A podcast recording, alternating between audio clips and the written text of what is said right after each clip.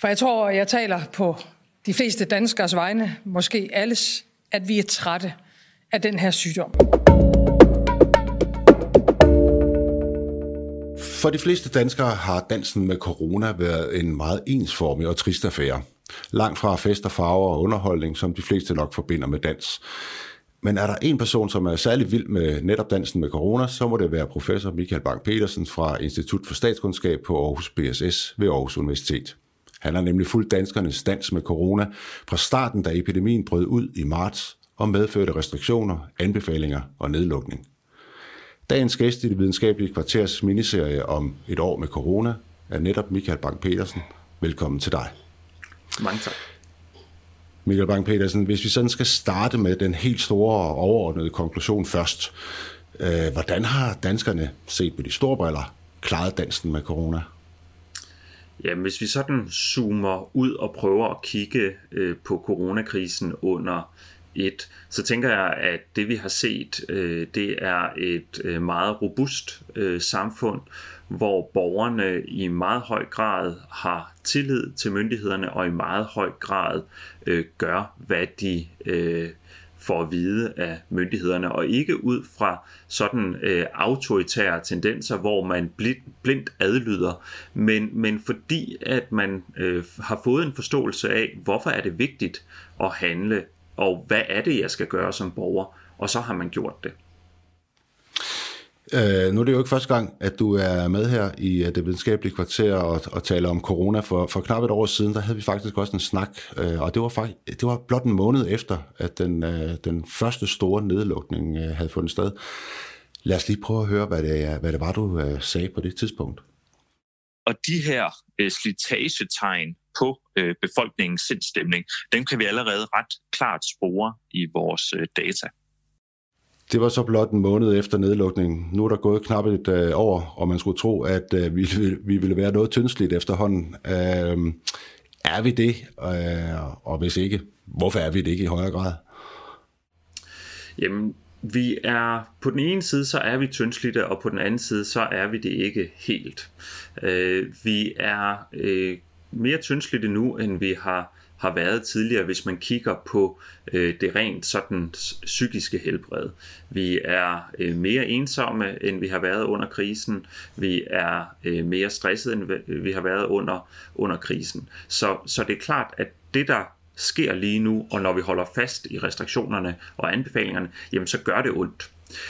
Men samtidig så holder vi rent faktisk fast, og når vi sådan helt skal ind til benet og spørger øh, befolkningen, kan du ikke holde ud og overholde restriktionerne mere, så er der kun omkring 14 procent, der lige nu siger, at det kan de ikke holde ud.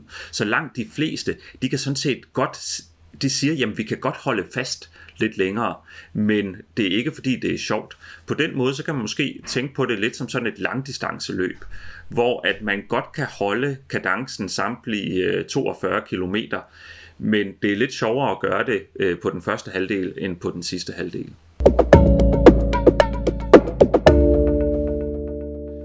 Sådan noget som øh, vacciner, som er kommet ind i, uh, i billedet uh, på det seneste, er det noget, der giver håb, og er det med til, at, at vi lige er, er bedre til at klare den, tror du? Noget, noget af det, som vi øh, har kigget på her øh, faktisk de allerseneste øh, dage og, forskning, og uger rent forskningsmæssigt, det er det her med håbet fra vaccinerne. Og det vores resultater ret klart viser, det er, at hvis man kan se sig selv i sådan en større sammenhæng, hvor at jeg lige nu bliver vi nødt til at holde fast, fordi der er øh, trusler øh, lige nu her fra mere smitsomme varianter. Men på den lange bane, så er der faktisk en vej ud. Der kommer vacciner, der kommer forår, som gør, at vi kommer tilbage til en mere normal tilstand. Det er noget, som hjælper til. Så det her med at have håb er ikke noget, der betyder, at man tænker, jamen fint nok, så er det lige meget, så er det bare øh, at gå ud og kramme løs allerede nu. Nej, håbet får os faktisk til at være bedre til at, øh, at holde ud og holde fast. Så det får os både til at, at ja, som du siger, holde ud, men også til at efterleve øh, de restriktioner og de anbefalinger, som, som myndighederne har meldt ud. Er det, er det sådan, man skal forstå det? Ja, lige præcis. Øh, at man er mere motiveret til at og øh, holde bedre fast, og man får en bedre forståelse for, hvorfor det kan være nødvendigt at have skærpede øh, restriktioner, hvis man kan se, jamen det her er ikke for altid. Det er kun hen til en, en given øh, målstreg. Så på den måde, så en af de ting, vi har set, har, kan virke sådan effektivt rent kommunikationsmæssigt. Det er sådan en metafor om at vinde tid. At det handler om at holde fast indtil målstregen kommer. Og det er faktisk en, en ret øh, fundamental anderledes øh, situation, end den vi stod i i foråret, hvor at mange måske kan huske den røde og den grønne kurve. Og hvis man kigger på den røde og den grønne kurve, så er det egentlig lidt en, en træls, øh, træls øh, graf at kigge på, fordi den handler egentlig bare om, at vi skal alle sammen blive syge, men det er lidt bedre, at vi bliver syge ude i fremtiden frem for lige nu. Men med vaccinerne, så kan vi faktisk, øh, al den, øh, alle dem vi redder nu, om man så må sige, de er reddet for godt. Når du nu nævner den, øh, den, den rødgrønne kurve, den kan vi næsten alle sammen huske, den blev meget, øh, den blev meget berømt. Øh, hvordan har, øh, hvad har den seneste forskning så vist? Hvordan udvikler det sig i forhold til for eksempel håb? Jamen noget af det, vi har kigget på, det er at sige, kan man lave en ny udgave af den røde og grønne kurve, som kan hjælpe til at øh, få folk til at forstå, hvad er det for en situation, vi står i øh, lige nu. Vi har været i gang i pandemien i lang tid. Folk er ved at være udmattede, så man har brug for kommunikation til at kunne holde fast. Og man siger, det den, det den øh, røde og grønne kurve fokuserede på, det var, at, at tingene de kan øh, gå meget galt. At der er en kraftig stigende øh, kurve med øh, smittet og øh, indlæggelser. Og det kan man sige, det er der også, når vi har at gøre med øh, mere smitsomme varianter. Jamen, så kan vi få en stejl og høj epidemikurve. Vi kunne have klaret os igennem med de, øh, med de restriktioner, vi havde før, men på grund af den nye smitsomme variant, så stiger det altså kraftigt. Det i sig selv er et scenarie, som taler til frygten men vi står nu i en situation i forhold til foråret, hvor man også kan få noget håb ind i sin kommunikation. At vaccinerne kommer jo. Og det betyder, at selvom vi skal stramme mere op for at holde epidemien øh, i kontrol, så skal vi ikke gøre det uendeligt. Vi skal bare gøre det hen til, øh, at vaccinerne får en fuld effekt. Så hvor med den røde og den grønne kurve, så handlede det om at flytte infektioner fra nutiden til fremtiden, så handler det lige nu om at vinde tid og holde fast, indtil vi kommer hen til vaccinerne. Og det, som vores forskning tyder på, det er, at, at det håb, som vaccinerne giver, det er faktisk med til at få folk til at være mere motiveret til at holde fast her og nu, og give en bedre forståelse for, hvorfor det er, at man skal stramme op. Man kan også sige, at det kan godt være, at vaccinerne er, er endeløsningen på det her øh, problem, men indtil da, så er det altså i høj grad kommunikation, der øh, er det væsentligste værktøj.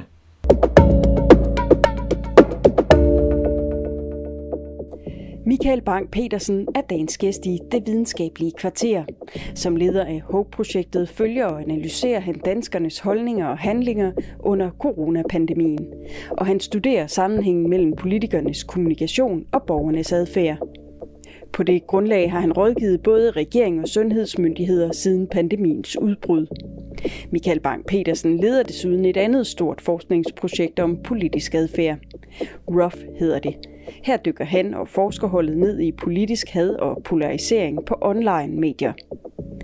Endelig har han gennem flere år beskæftiget sig med politisk psykologi og blandt andet trukket tråde til evolutionspsykologien.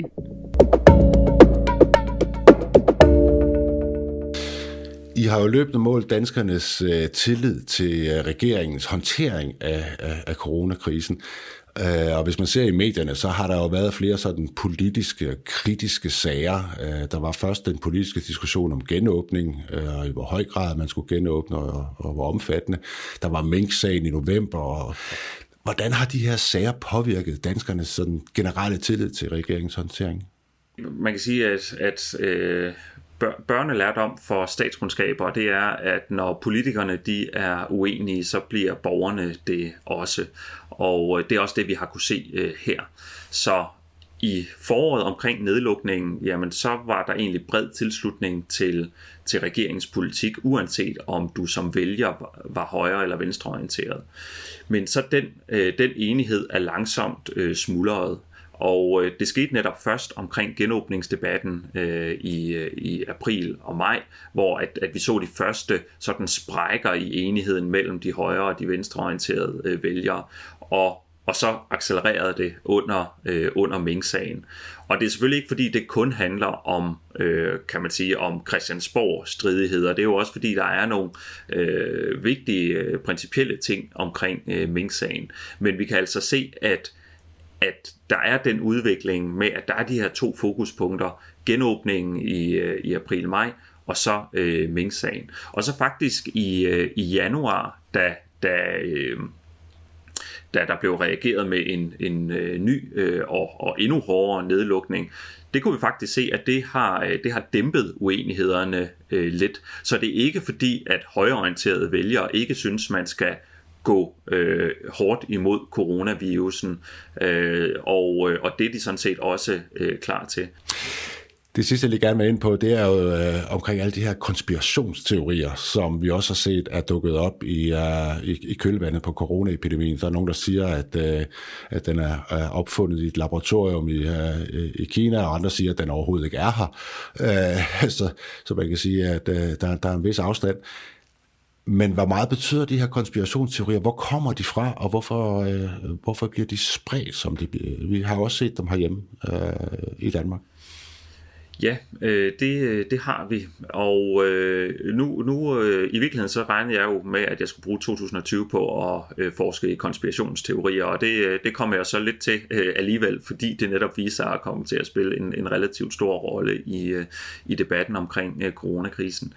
Og, og det vi ved omkring konspirationsteorier, øh, det er, at øh, de i høj grad skal ses som symptomer på problemer frem for problemer i sig selv.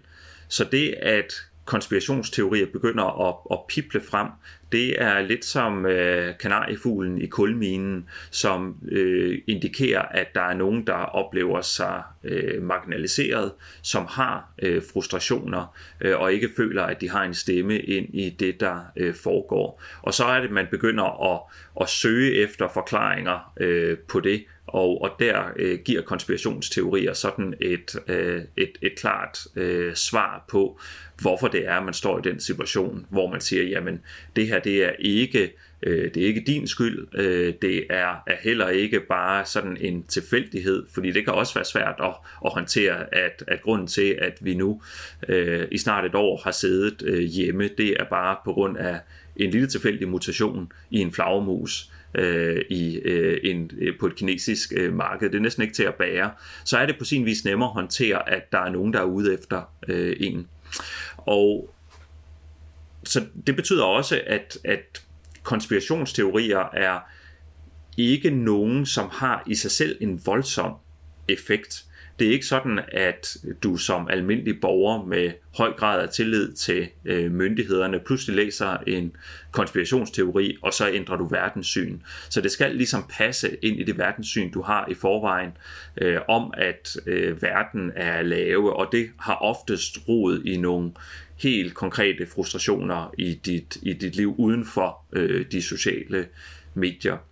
Men det betyder selvfølgelig ikke, at det ikke er et, er et problem øh, alligevel. Øh, vi har blandt andet set, at, øh, at personale på, øh, på øh, plejehjem, som skal hjælpe med at vaccinere, at de er blevet, blevet truet af øh, nogle af de her øh, grupperinger. Så på den måde, så kan det sagtens give sig udtryk i, øh, i masser af øh, problematiske ting, men det er ikke konspirationerne som sådan, der ligesom driver det. Det er nogle underliggende øh, strømninger.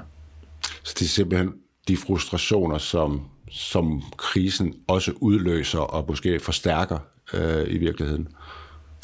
Ja, lige præcis. Man kan sige, der er det vi ved, det er, at, at stress fører til aggressivitet, og der er altså en lang række stressorer under sådan en pandemi som den, vi står i. Du kan være bekymret for dit helbred, du kan være bekymret for din finansielle situation, du kan være bekymret for at miste dine sociale relationer. Og, og hele den byrde øh, Øh, har vi faktisk øh, empirisk belæg for, har vi fundet, er med til at skubbe øh, i, i retning af sådan en radikalisering.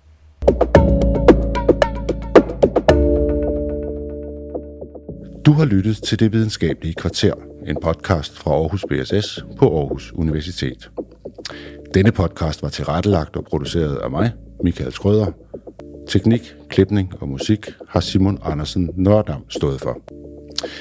Du kan finde os på Spotify, Apple Podcast, Google Play eller hvor du normalt hører dine podcast. Og du kan få mere forskningsbaseret viden om erhverv og samfund på bss.au.dk insights. På genhør.